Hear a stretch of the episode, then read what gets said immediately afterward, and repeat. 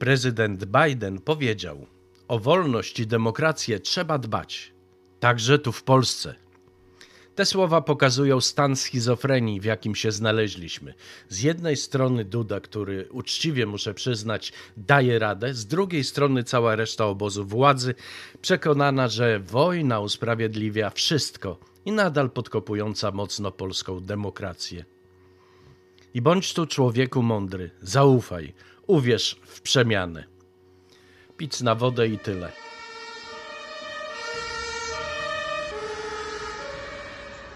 Czarnek to jeden z polityków, który ma swoje priorytety i nie zamierza odpuścić. Polska edukacja ma sięgnąć dna i choćby żabami z nieba leciało, on zrobi wszystko, by swój cel osiągnąć. Nic sobie nie robi z tego, że Duda nie podpisał jego Lex Czarnek i sztandarowy projekt wraca do Sejmu. Tym razem jako ustawa poselska, dzięki czemu nie wymaga konsultacji społecznych. I co?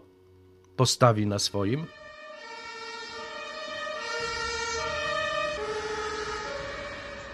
PiS przymierza się do grzebania w konstytucji, oczywiście dla dobra Polski i bezpieczeństwa Polaków.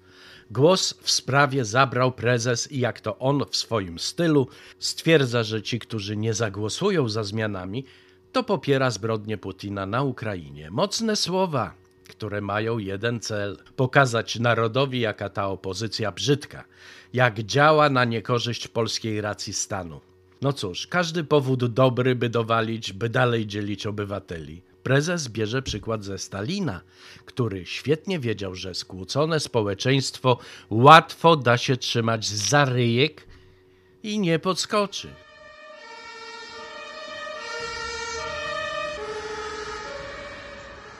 Jeszcze nie ruszyła odbudowa Pałacu Saskiego, a już okazuje się, że najważniejszym i najpilniejszym wydatkiem z nią związanym jest zakup wypasionych samochodów dla szefostwa spółki, takich z podgrzewanymi fotelami, kamerkami i przyciemnianymi szybami. No co? Racja to racja. Bez takich bryg za cholerę nie da się tego pałacu odbudować.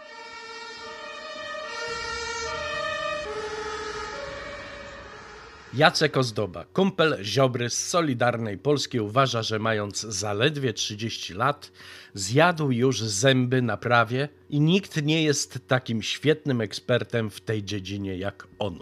Twardo więc stoi na stanowisku, że nie ulegnie szantażowi Unii Europejskiej, która uzależnia wypłatę kasy na KPO od powrotu polskiego wymiaru sprawiedliwości na ścieżkę zasad demokratycznych i wkurza go propozycja zmian zaproponowana przez Dudę i PiS, sugerując, że ich projekty zostały napisane poza Polską, a nie ma jego zgody, żeby elementy polityki międzynarodowej decydowały, jakie jest polskie prawodawstwo.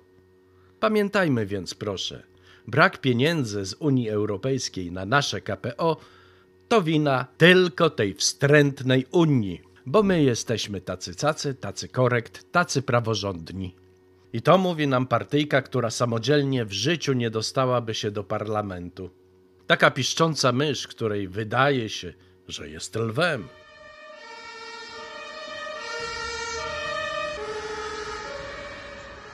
Pamiętacie ten szum, to szaleństwo, gdy nierząd z dumą ogłosił, że bierze pod swoje skrzydła stocznię szczecińską i pod jego opieką stanie się ona znowu potęgą. No i znowu okazało się, że wielkie słowa to za mało, gdy profesjonalizmu brak.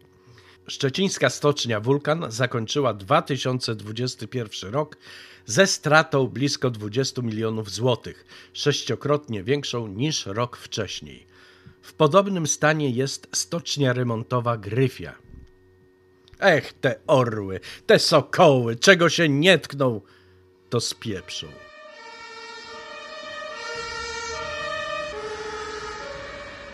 I kolejny sztandarowy projekt nierządu, który okazał się kompletną klapą. Ze 100 tysięcy mieszkań, które miały powstać do końca 2019 roku, oddano do użytku zaledwie nieco powyżej 15 tysięcy lokali. Miało być mieszkanie plus, jest mieszkanie minus.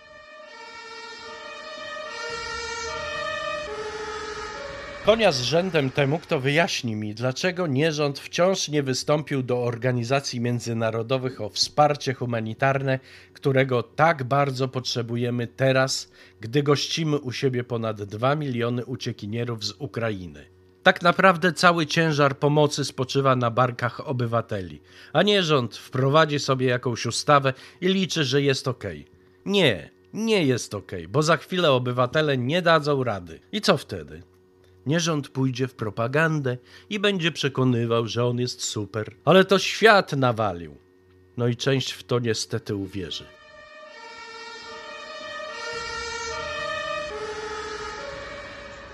Nierząd ma pomysł, jak wykorzystać wojnę w Ukrainie i coś tam dla siebie ugrać.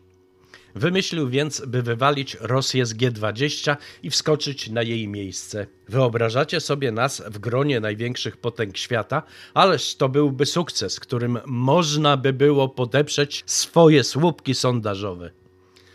Jest jednak mały problem. To Chiny, które są zdecydowanie na nie. Ale co to za problem dla naszego nierządu? Gdyby się jednak okazało, że są kraje, które nie zgodzą się, aby Rosję usunąć z G20, to może powstać inna organizacja skupiająca te kraje, które nie chcą być razem z Rosją w G20. Dobrze kombinuję, prawda?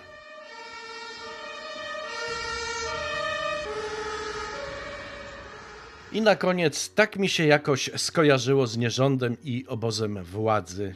Nie drażnić lwa. A dlaczego? zapytałem dozorcy. Dostaje biegunki, odrzekł. Stanisław Jerzylec.